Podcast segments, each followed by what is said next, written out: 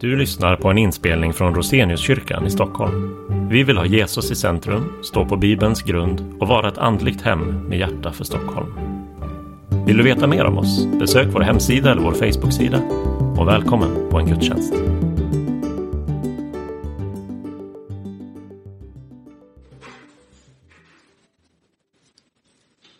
Upplyft era hjärtan till Gud och hör dagens heliga evangelium. Vi läser det ur Matteus sjätte kapitel. Det är alltså Jesu ord i bergspredikan.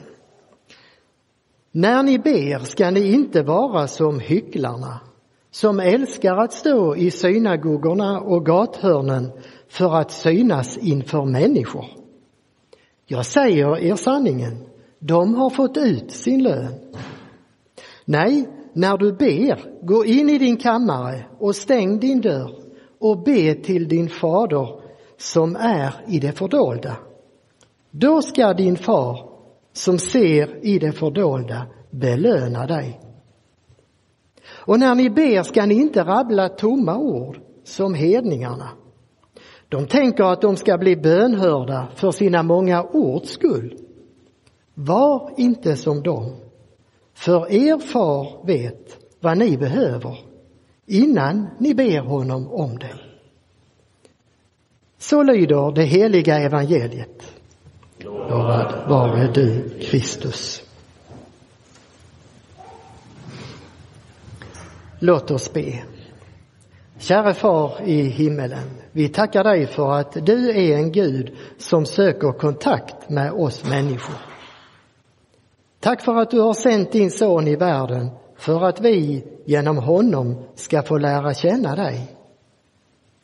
Tack för att vi har fått hans goda namn, namnet som öppnar himmelens dörrar och vägen till ditt hjärta för oss.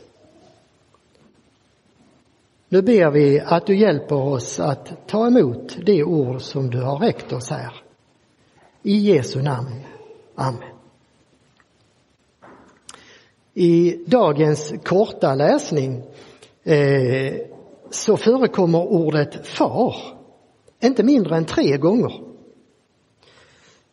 Jesus tänker på vår far i himmelen och tryggheten som det är att ha honom för ögonen. Själv hade ju Jesus det och han vill nu öppna också våra ögon för den himmelske Faderns närvaro och omsorg. Och det är utifrån den verkligheten som Jesus undervisar oss i dagens evangelium. Och det är ju en undervisning om bön. Två felaktiga hållningar till bön får bilda bakgrund. Hycklarnas och hedningarnas. Hycklarnas bön. Ja, en hycklare är en som ger sig ut för att vara något som han inte är. Det grekiska ordet betyder ordagrant skådespelare. En som alltså spelar något annat än han eller hon är. För hycklaren så blir bönen en roll att gå in i. Bönen blir en uppvisning. Den har liksom förlorat kontakten med Gud. Hycklaren ber för att bli sedd av människor. Bönen har kanske en gång varit äkta. Men så har den levande gemenskapen med Gud liksom tonat bort och kvar finns bara det yttre beteendet. Och den faran finns ju också för den som växt upp i en kristen miljö och som därför vet att bön är en viktig del i ett kristet liv. Bön kan faktiskt bli ett inlärt beteende. Och där får det i alla fall inte stanna. Där måste vi komma vidare, djupare. Det kan även vara så att man med sin bön vill vara ett föredöme för andra människor. Och det behöver ju i sig själv inte vara fel, men risken är att man efterhand blir så inriktad på intrycket man gör på människor att Gud glider ut i periferin. Vår resultatinriktade kultur betonar handlingar och prestationer. Våra liv är hektiska. Det är ju så mycket vi vill skaffa och hinna med. Och så försummar vi att tänka på det andliga livet, det inre livet. Det livet behöver stillhet för att växa och integreras i vår personlighet. Gud väntar på att få verklig kontakt med oss. Men då behöver vi sakta ner, bli stilla och komma på våglängd med honom. Det är i stillheten inför Gud som bönen lever. Tystnaden är bönens moder. Jag tror det är ökenfäderna som brukar säga så. Tystnaden är bönens moder. Jesus, ja han drog sig regelbundet undan för att få stillhet och vila i gemenskap med sin himmelske far. Han hämtade kraft för sin gärning i samtalet med honom och så övade han sina lärjungar i att göra detsamma. Att gå in i sin kammare, det betyder att vända sin blick, ja vända hela sitt jag till Gud och söka hans ansikte, hans närvaro. Precis som ett litet barn söker sin mammas ansikte och känner igen det och blir igenkänd. Och så uppstår det någonting däremellan, en dialog eller vad vi ska kalla det. Stillhet, lyssnande och bön är avgörande för livet med Gud. Det är så gemenskapen kan växa, fördjupas och förankras i vårt inre. Jesu undervisning är inte kritik mot bön tillsammans. Jesus bad ju själv med i synagogans gudstjänst tillsammans med andra i den judiska gemenskapen. Och den bön han lärde oss och som kommer precis efter vår evangelietext, Herrens bön, Fader vår, är en gemenskapsbön. Den förstår vi ju på formuleringen är gjord för att bes tillsammans med andra. Och de första kristna de bad ofta tillsammans i templet eller där de samlades. Men även när vi ber tillsammans med varandra så är det viktigt att vända sitt sinne till Gud. Släppa tanken på hur bönen tar sig ut och fästa fokus på Gud själv. Bön är inte uppvisning för medmänniskor utan det är hjärtats samtal med vår käre himmelske far. Sen lyfte Jesus fram hedningarnas bön. Vad kan det betyda? Ja, hedningar, det betyder här de som inte känner Gud och vet hurdan han verkligen är. De har alltså en felaktig, en falsk bild av honom. De tänker sig kanske, som de Jesus tänker på, att eh, Gud måste vara som en människa som eh, har fått makt och inflytande. Och kanske har man bilden av en hård ämbetsman som själv har lyckats bli något och därför ser ner på vanligt folk, vill visa sin makt och sätta andra på plats. Ska man få hjälp av en sådan, då gäller det ju att komma med insmickrande och välfunna ord. Gärna tillsammans med mutor av olika slag, annars riskerar man att bli avvisad. Om Gud är sån, ja då blir bönens yttre form avgörande. Det gäller ju att göra intryck. Att med de rätta orden vinna honom för sin sak. Men en ovänlig och motvillig Gud inspirerar ju inte till frimodig bön. Hedningarnas gudar, ja de är så mänskliga att de måste informeras. De måste övertygas med många ord och med rätta ord. Och det blir något magiskt över bönen. Jesus ställer hedningarna som ber utifrån en felaktig bild av Gud jämsides med de fromma hycklarna med sin självcentrerade bön. Var inte som dem, säger Jesus. Hur annorlunda är inte den Gud som Jesus har uppenbarat för oss? Och bön från den utgångspunkt som Jesus ger oss. Er far vet. Er far vet. Ordet far förekommer väldigt ofta här i, i bergspredikan. 12-15 gånger, det är ett tag sedan jag räknade det och jag kommer inte ihåg vad jag kom fram till. Men det var ju tre gånger här. Så här i det sjätte kapitlet, inte minst, så är det ordet far som på något vis är, och det, man kan säga det är bergspredikans nyckelord, den himmelske fadern. Och här i Jesu undervisning om bönen så säger Jesus, er far i himlen vet. Den som litar på Jesus och vill följa honom bjuds in i en nära och varm gemenskap. Johannes evangeliet börjar med ord som dessa. Åt dem som tog emot honom, Jesus, gav han rätten att bli Guds barn. Jesus har ordnat en plats åt oss som barn i Guds familj. Vårt barnaskap bygger alltså inte på vad vi kan eller gör. Det bygger på vad Jesus har gjort för oss. Det bygger uteslutande på vad Jesus gjort för oss. Hans död och uppståndelse har öppnat Guds faders famn på vid gavel. Vägen till Guds hjärta är banad av Jesus.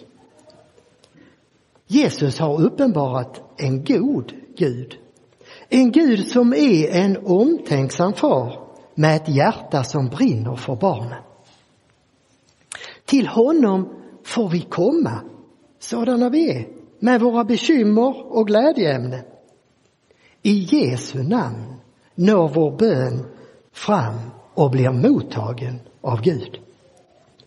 Bön är vårt hjärtas samtal med vår käre far i himlen som älskar oss med en uthållig och trofast kärlek som vill vårt bästa. Det Jesus har gjort ger oss en ny ställning i förhållande till Gud och det är ju oerhört stort. Barnets ställning.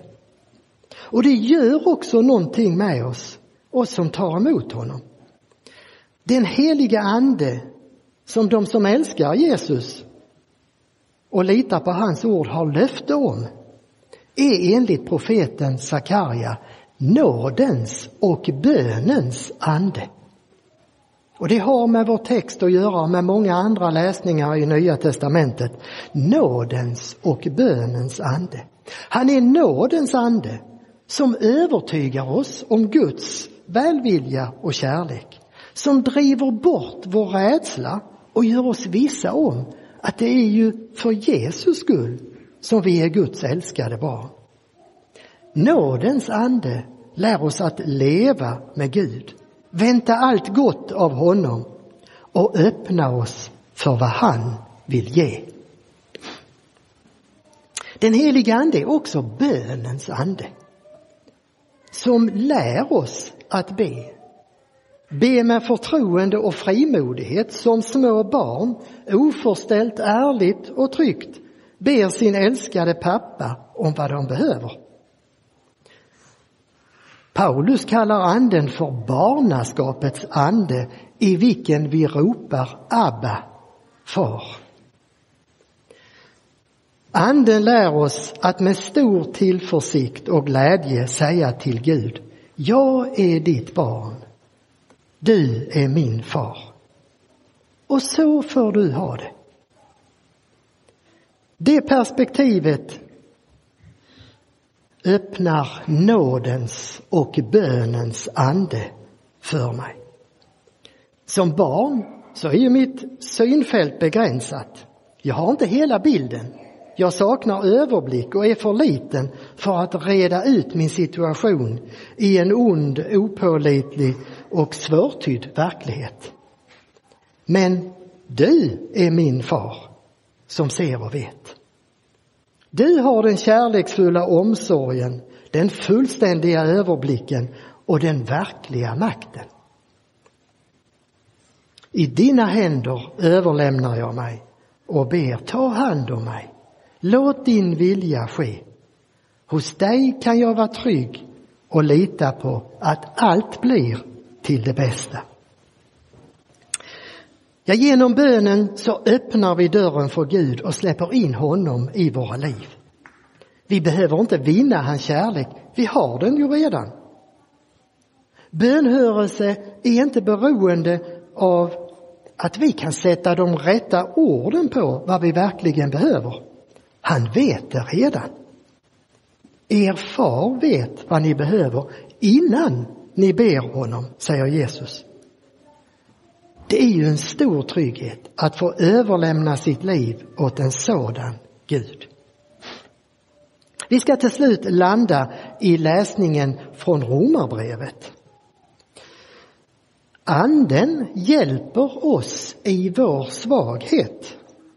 Vi vet inte vad vi borde be om, men anden själv vädjar för oss med suckar utan ord. Det är oerhörda ord. Guds helige ande kommer till vår hjälp också när det gäller bön. Kommer till vår hjälp där vi lever i en värld som många gånger kan vara svår att leva i. Den är ju lagd under förgängelse och död. Och vi kan sucka under trycket från det onda. Precis innan läsningen börjar så säger Paulus att vi har fått anden som förstlingsfrukt. Alltså en först, anden är en första del av Guds rikets stora skörd. Hela skörden, alltså det fulla gudslivet som omfattar hela människan till ande, själ och kropp, det ska tillfalla oss först när Jesus kommer tillbaka. Det kristna hoppet liknas ju ofta i Bibeln vid ett rikt och underbart arv som väntar på oss, som är väl förvarat i himlen och inte kan skingras av något utan som är i tryggt förvar i väntan på att vi ska få del i det. Den helige Ande är en gåva som vi får redan nu, ett förskott på arvet. Vi har alltså här i suckarnas land, som vi ibland kan uppleva det som, så har vi löfte om Andens ständiga närvaro och bistånd. Guds ande som bor i oss känner våra verkliga behov och vet vad vi behöver. Han vet vad som finns i vår personlighets innersta djup. Han känner oss bättre än vi själva gör.